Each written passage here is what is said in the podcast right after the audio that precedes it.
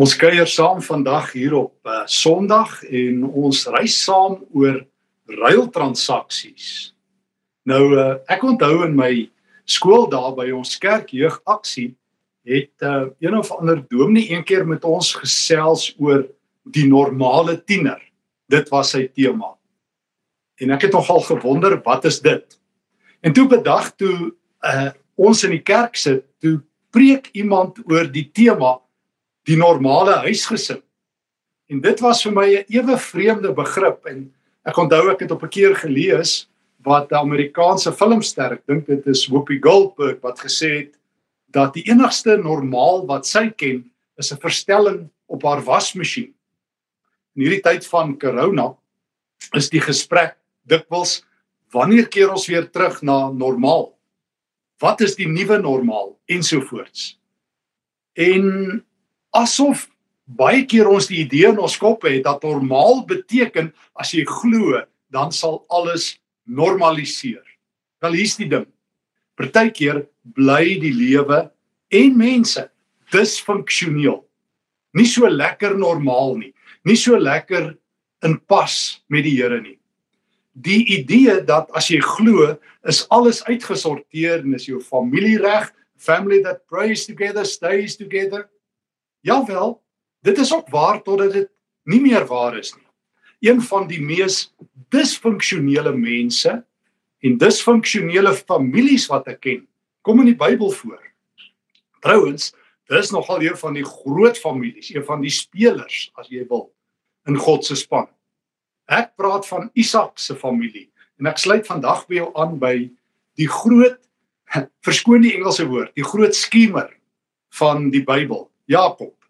Die man wie se lewe bestaan net uit ruil op en af. Hy was altyd op soek na soos die Hollanders sê, 'n bargain. Hy was gedurig aan die onderhandel, aan die knoei, aan die uitbuit en die opbuit en die afbuit. Ons sluit aan in Genesis hoofstuk um, 25 terwyl ons so bietjie blaai deur die verhaal van Jakob met die vraag in ons agterkoppe en ook voor in ons gedagtes. Hoe werk God? Gee God net om vir normale mense of is hy ook betrokke by die disfunksioneles? En en, en net 'n kantlyn opmerking. Baie mense, dalk jy ook, uh, beleef dikwels dat dat dinge disfunksioneel is by die werk, in jou familie, in jou vriendekring. Daar is baie mense wat swaar kry, baie gelowiges wat 'n moeilike huwelike is, wat moeilike kinders het, wat moeilike ouers het, wat moeilike kollegas het.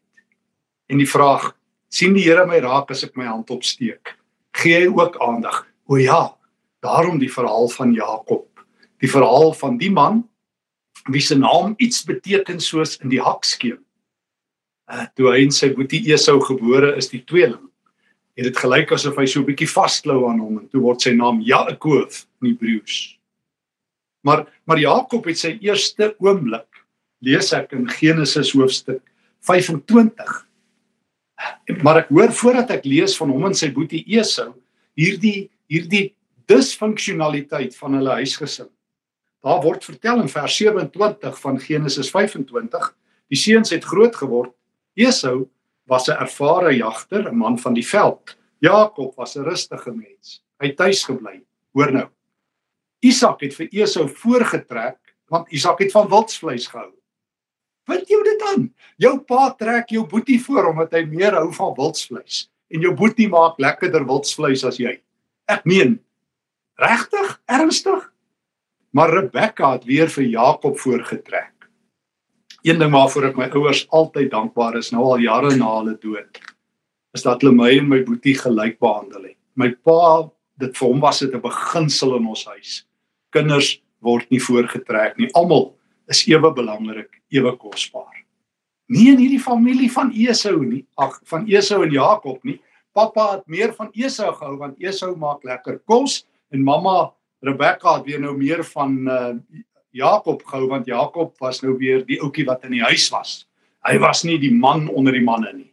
Hy was die huisier seentjie en die en Esau was die buitelug seentjie.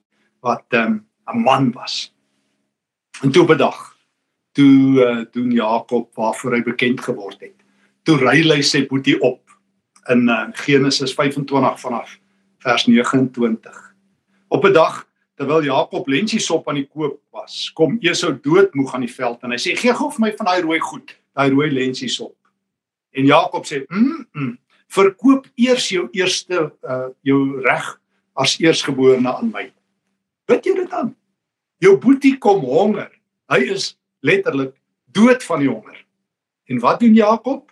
Hy sê ek gee nie vir jou 'n slukkie sop voordat jy jou reg as die eersgeborene aan my verkoop nie. En toe doen Jakob dit en toe kry hy sy lensiesop. Nou kyk, mens moet baie honger wees as jy jou broer indoen vir lensiesop. Ek het altyd vir my boetie gesê hy's veilig met lensiesop, maar ek kan dit nie waarborg met goeie koffie nie. In elk geval. En so gaan die storie aan. Jakob word egter nog meer berig vir die groot indoen van sy broer Esau in hoofstuk 27 van Genesis wanneer sy pa hulle wil seën. Dis 'n lang hoofstuk. Jy ken dit. Dit vertel hoe um, Isak nou al oud geword het. En in die Joodse tradisie en daai ou oertradisies was dit gebruiklik dat jy die eersgeborene seën. En dat die eersgeborene eintlik die naam van die familie dra, die Here se seën dra. En 'n pa kon dit net aan 'n oudste seun doen. En nou weet ons hoe uh, Rebekka en Jakob saamspan en dan vermom Jakob hom asof hy lyk soos Esau wat harig is en dan seën sy pa vir hom. En ons lees daarvan daar in Genesis 27 uh vers 23. Isak het nie vir Jakob herken nie want sy hande was harig soos sy broer se omdat hulle nou sy hande toegesmeer het met sy hare. Isak het vir hom gesê jy's my seun Esau en toe het hy vir hom gesê kom nader en hy het hom toe geseën. En toe Esau hiervan hoor, toe besluit hy, my boetie is dood. Ha, praat van 'n disfunksionele familie, praat van 'n gevaarlike familie, praat van 'n familie waarvan die wiele afval. Jy moenie dink omdat hulle God geken het of God se naam bely het, die familie was uitgesorteer nie. Dan lees ek aan die einde van Genesis 27 hoe dat Jakob moet vlug vir sy lewe. Wat 'n familie. O ja, hulle is deel van Abraham se nageslagte. Die groot man van die Here vir wie God gesê het ek sal jou God wees in jou nageslagsinne. En nou skaars is sy kind Isak op die toneel of Isak en sy seuns is oor hoeks met mekaar en die seuns wil mekaar doodmaak en Jakob vlug. Nou die vraag. Maar wat van God? Hoe is God betrokke in hierdie oënskynlike de mekaar familie hierdie hierdie lewens van hierdie tieners, jong mense wat min of meer uitmekaar val. Jy sê van hulle moet die Here ken, hulle sê hulle doen, maar dit gaan net van erg na erger, from bad to worse. Ek lees in Genesis 28 'n aangrypende verhaal van God. Hoe God ingryp in ehm um, in hierdie skemer Jakob se lewe. Ek lees 'n stukkie saam met jou Genesis 28 vanaf vers 10. Jakob is van Berseba af weg Haran toe. Teen sononder het hy by 'n plek gekom waar hy kon oornag. Hy het daar 'n klip vir 'n kopkussing gebruik en gaan lê en slaap. Hy het gedroom: 'n leer staan op die aarde en die punt van die leer raak aan die hemel en die engele van God klim op en af met die leer. Kom staan die Here by Jakob en sê: Ek is die Here, die God van jou voorvader Abraham, die God van Isak. Ek sal die grond waarop jy lê vir jou en jou nageslag gee. Vers 15. Ek is by jou en ek sal jou beskerm waar jy ook al gaan en ek sal jou na hierdie land toe terugbring ensovoorts. Nou hoor ek Jakob se reaksie vers 16. Jakob het wakker geskrik en gesê: "Die Here is op hierdie plek en ek het dit nie geweet nie." Hy sê: "Hoe skrikwekkend is hierdie plek? Dis niks anders nie as die huis van God, die poort van die hemel." Jakob se groot woorde. Die Here is op hierdie plek en ek het dit nie geweet nie. Jy sien dis wat gebeur as 'n mens ehm uh, leef soos wat jy lewe. Al al al doen jy so nou en dan 'n kniebuiging in God se rigting. Al sê jy so nou en dan die Here is die, is my God en en ek staan op die Bybel, dis nie te sê dit verander jou lewe nie. Dis nie te sê dat mense wat God bely se lewens uitgesorteer is nie. Kyk vir Isak, kyk vir Rebekka, kyk vir Jakob en Esau. Maar God skryf mense nie af nie. God hou nie net van oulike mense, van normale mense, van onsse mense nie. Hy hou ook van die ander damse eende. Ons moes dit tog by Jesus geleer het. Ons moes tog Lukas 15 vers 1 en 2 onthou het dat tollenaars en sondaars ook tuis was by hom. Ons moes tog gehoor het dat uitgeworpenes, eenkant mense, afgeskryf is. Dat God se hart klop vir hulle. En daarom gee hy nie op op ons nie.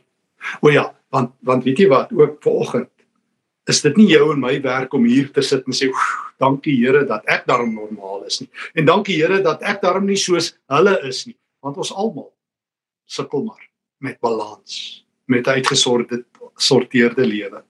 Dwaasheid agtervolg ons soos ons eie skade weet. Ons praat voor ons dink. Ons ons los op maar die Here se hande. Ons bely vroom vroom, ek ken die Here. Maar ehm um, ek ken ook 'n ander lewe dikwels. En dan en dan in 'n droom op die mees onverwagse plek. Daar in die harde veld waar jy God nie verwag nie, daar God op, want God is op 10000 plekke. Hy nie net nou hier wanneer ons saam om sy woord is nie, maar hy ook is by ons. Maar hy's in die gewone lewe. Hy's in die harde lewe, daar waar jy vlug, daar waar jy probeer wegkom van jou familie. God is daar. Jy kan emigreer, maar jy kan nie van God af emigreer nie.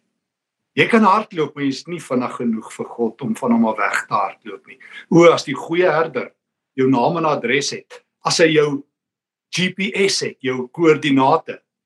Hm, you can run but you can't hide. God is die meester om op die hakke te bly en om sy hart vir jou te wys. Ek is die Here. Hoor dit normaal, abnormaal, funksioneel, disfunksioneel, maak nie saak nie. God het mense lief. Die Here is op hierdie plek. Die Here is in Suid-Afrika. Jy kan nie emigreer nader aan God nie. God is in die lewe. En toe verander Jakob die naam van die plek Lus na Bethel, huis van God. Toe verander Jakob, toe rig Jakob 'n klip op, lees ek aan die einde van hoofstuk 28. God is hier. Dis nodig dat jy en ek dit ook vandag moet weet. Ook in hierdie harde tyd waar ons sê niks is ooit weer normaal nie. God is hier ook.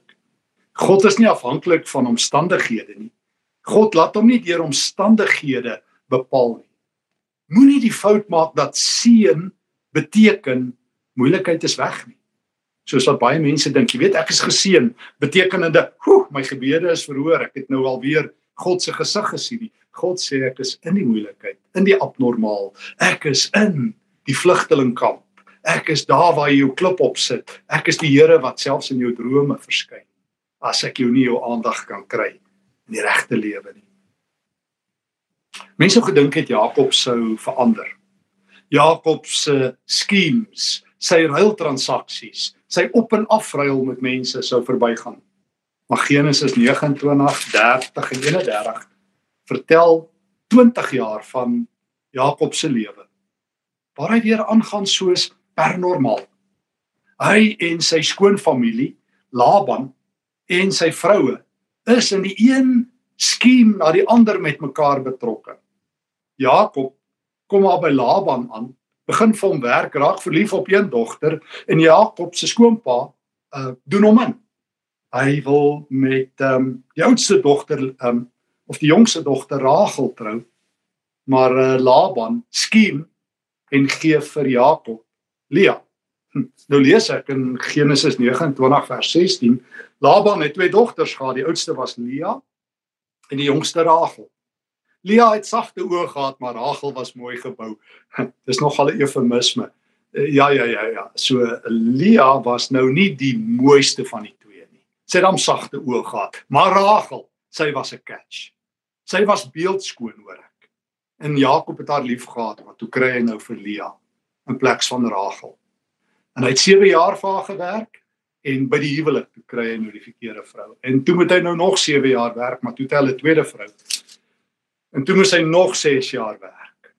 Maar tussen lees ek ook hoe hy sy skoonpa.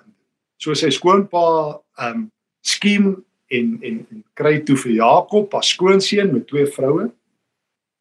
Maar ek lees in Genesis 30 hoe Jakob nou weer sy skoonpa indoen en die beste vee vir homself teel.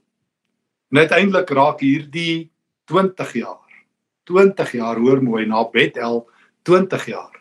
Ek meen baie ouens sê vir my as God net aan hulle verskyn, as God net hulle gebede verantwoord, sal hulle lewens verander, né?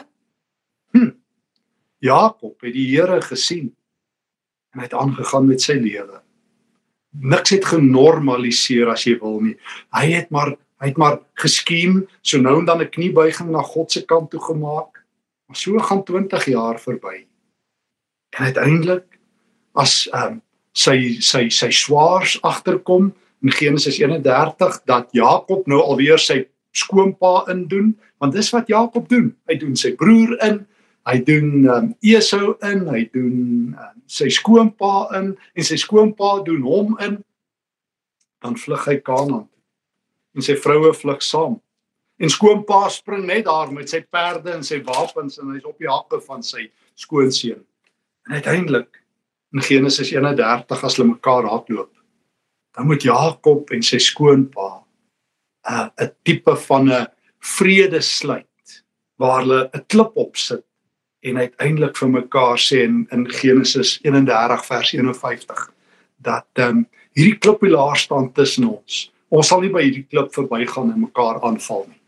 Wat jou dit aan?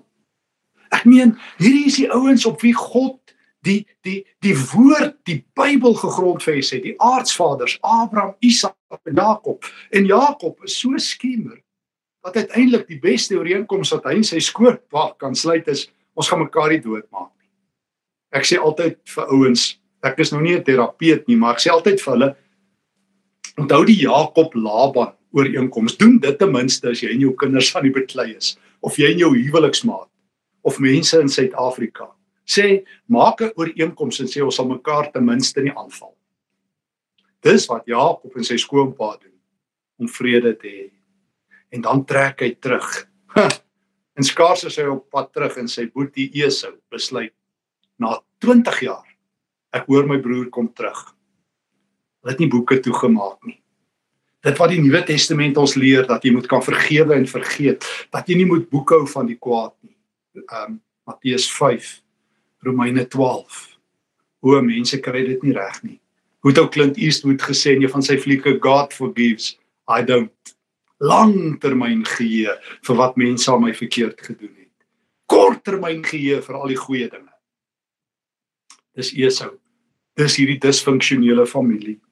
En dan Genesis 32 dan terwyl Jakob hoor sy broer kom vir hom om hom dood te maak en hy geskenke na sy broer toe stuur en Jakob sy vroue wegstuur.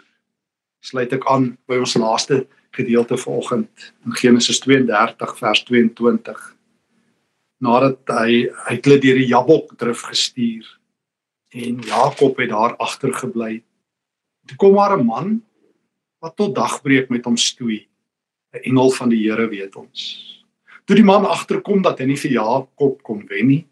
Natuurlik het die engel maar nie met vol krag gestoei nie het die man terwyl hy hom stoei vir Jakob teen die heup geslaan sodat dit uit sy potjie uitgespring het. Die man het vir Jakob gesê los my want die dag breek. Jakob het geantwoord ek sal jou net los as jy my seën. Vra die man wat is jou naam? Hy antwoord Jakob. Die man sê jy sal nie meer Jakob genoem word nie maar Israel, Yisrael. Want jy het teen God en teen mense stryd gevoer en entheid volgehou toe stuur God sy engel om Jakob voor te keer. God het gesê 20 jaar. Jakob, jy kan nie so aangaan nie. Nou versper ek jou pad. Jy met jou skems, jy met jou familieprobleme, jy met jou disfunksionele lewe. Jakob, op 'n vreemde manier gaan ek jou ontmoet. Hierdie is een van die vreemdste maniere wat God ooit handel. Dink net hy stuur 'n engel om met jou te stoei. Mense stoei nie met engele nie, hulle val voor engele neer. Vra vir Johannes in die Openbaring boek. Mense luister na engele. Hulle is die boodskappers van die Here. Jakob, rowwe man, disfunksionele man. God weet hy moet op 'n unieke manier hierdie man se aandag trek. Jakob is lankal nie meer die um, huisouetjie van sy sy ma se huis as 'n tiener nie. Hy's nou 'n man wat groot is, baie geld het, maar 'n man wie se lewe alweer in gevaar is. Toe breek God hom. Toe stoei God se engel met hom. En Jakob wen. Hoor mooi Jakob wen en sy naam verander. Jy sal lees so deur die verhaal. Ek het nou nie daarby stil gestaan nie, maar Jakob het gereeld plekke se name verander. Ja, dit maak ons Suid-Afrikaners mos warm onder die kiewe as plekke se name verander. Ek vermoed ons moet gereed maak dit sal in die toekoms nog meer gebeur. Maar maar ons moet nie so te ontstel wees nie. Jakob het het het lus verander na Bethel, na die huis van God.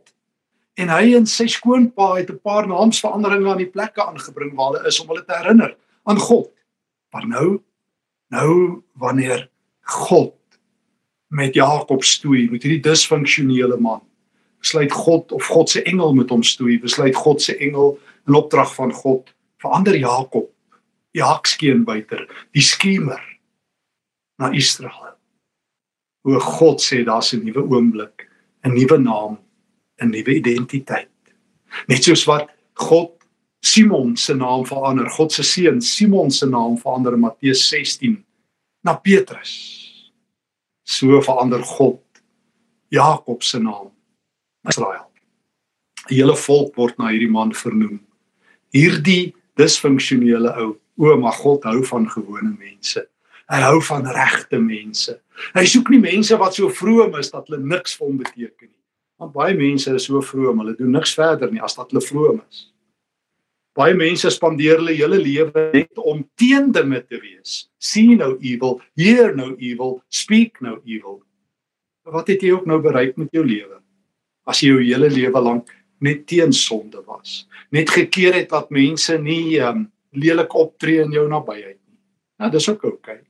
Mense moenie. Maar wat het ons nou gedoen as ons nou maar net nie lelik praat nie, nie lelike dinge kyk nie, nie lelike dinge sien nie? Wat ons ook moet doen. Die vraag is hm, wat het ons in die plek daarvan gesit? Soos Paulus in Efesiërs 4 leer, soos ons vroeër in die week ook by 'n ander gesprek met mekaar gedeel het. In Efesiërs 4 sê Paulus, as jy 'n dief is, hou op steel, maar gaan werk hard. Want as jy nou ophou steel het, dan het jy nou dan doen jy maar nou net niks nie, maar maar gaan werk hard sodat ander mense kan eet. En as jy afbreekende taal gebruik het, hou op. Maar gebruik van nou af opbouende taal. Vul die spasie met God. Dis wat God vir Jakob kom sê. Vir hierdie disfunksionele ouetjie. Jakob, ek hou van jou. Jakob, ek gaan jou naam verander. Jy het ehm um, lus verander na Bethel maar ek gaan Jakob verander na Israel. En dan maak hy vrede met sy broer en in Genesis 35 gaan hy weer terug na Bethel toe. Daar waar waar God ingegryp het in sy lewe. Dan sê God weer vir hom, jy sal Israel wees. Hierdie reis vanoggend wil net vir ons een ding sê. God stel in gewone mense belang. Ek probeer altyd vir myself as ehm um, as ek op 'n Sondagoggend ehm um, erns preek en dis my elke Sondag van my lewe en elke Sondag aand probeer ek ehm um, voor die tyd op uh, op Twitter my uh, boodskap van die dag wat ek gaan preek saamvat. Want Twitter forceer jou want jy kry net um, wat 40 karakters. En ek het vanoggend toe ek um, dink uh, weer 'n keer oor die boodskap wat ek sommer net vandag wou deel, net hierdie greep uit 'n man se lewe toe ek dit op Twitter min of meer saamgevat dat um, dat hierdie verhaal gaan oor God wat in disfunksionele uh, nie normale mense se lewe betrokke is want God hou van sulke mense. Nou is jy so iemand iemand wat dink ek doen nooit genoeg vir die Here nie. Iemand wat maar uh, in 'n huis is of in 'n familie of in 'n wêreld waar waar dinge net nie wil uitsorteer nie. O, almal by die kerk beloof die Here sal seën en jy jy haal al hierdie boeke aan op Facebook en temaatjies wat God sal ons seën en there are better days coming. Maar Jakob het vir 20 jaar nie gemors gelewe. Maar God. Huis van God, Bethel. In jou drome keer God jou voor. En as jy nie luister nie, wie weet, nog een nagte wil jy slaap, stuur hy engel om jou flou te stoei en jou naam te verander, want God is in hierdie plek. Jy het dit nie geweet nie. Dis die boodskap. God is in jou familie. God is in jou land. God is in jou lewe. Het jy dit nie geweet nie? Maak jou oë oop. Begin 'n bietjie rondom jou kyk. Terwyl almal moeilikheid sien, sien God. Sit bietjie 'n klip op. Rig 'n bietjie herinneringsteken op om jou te herinner. Die Here is op hierdie plek. En wie weet? Miskien verander God jou naam ook in die hemel. Miskien is jy ook die een met met wie God 'n pad kan loop. Wat met God geveg het. Wat 'n um, nuwe hoop, 'n nuwe toekoms bring. Nee nee, die vraag is nie of dinge gaan normaal word en wat is normaal nie. Die vraag is, is God op hierdie plek? En het jy en ek kom raak gesien? Hoor die Here se woord. Amen. Kom ons bid saam. Dankie Here vir Jakob. Ek kan so baie van myself aan hom ontdek. Here, ehm um, my eie worstelinge, my eie vrae, my eie ehm uh, teen die grein gaan, my eie lewe leef soos ek wil. Leer my om saam met Jakob 'n Bethel te hê, 'n Jabok te hê. Leer my Here om te weet U is in hierdie plek in hierdie land. U is in my lewe. En wanneer U ingryp, is die belangrikste dat ek U sal sien. Dankie dat ek saam met Jakob kon reis. Dankie dat U op die ou en die grootste ruiltransaksie maak. Dat U U self vir my gee. Amen.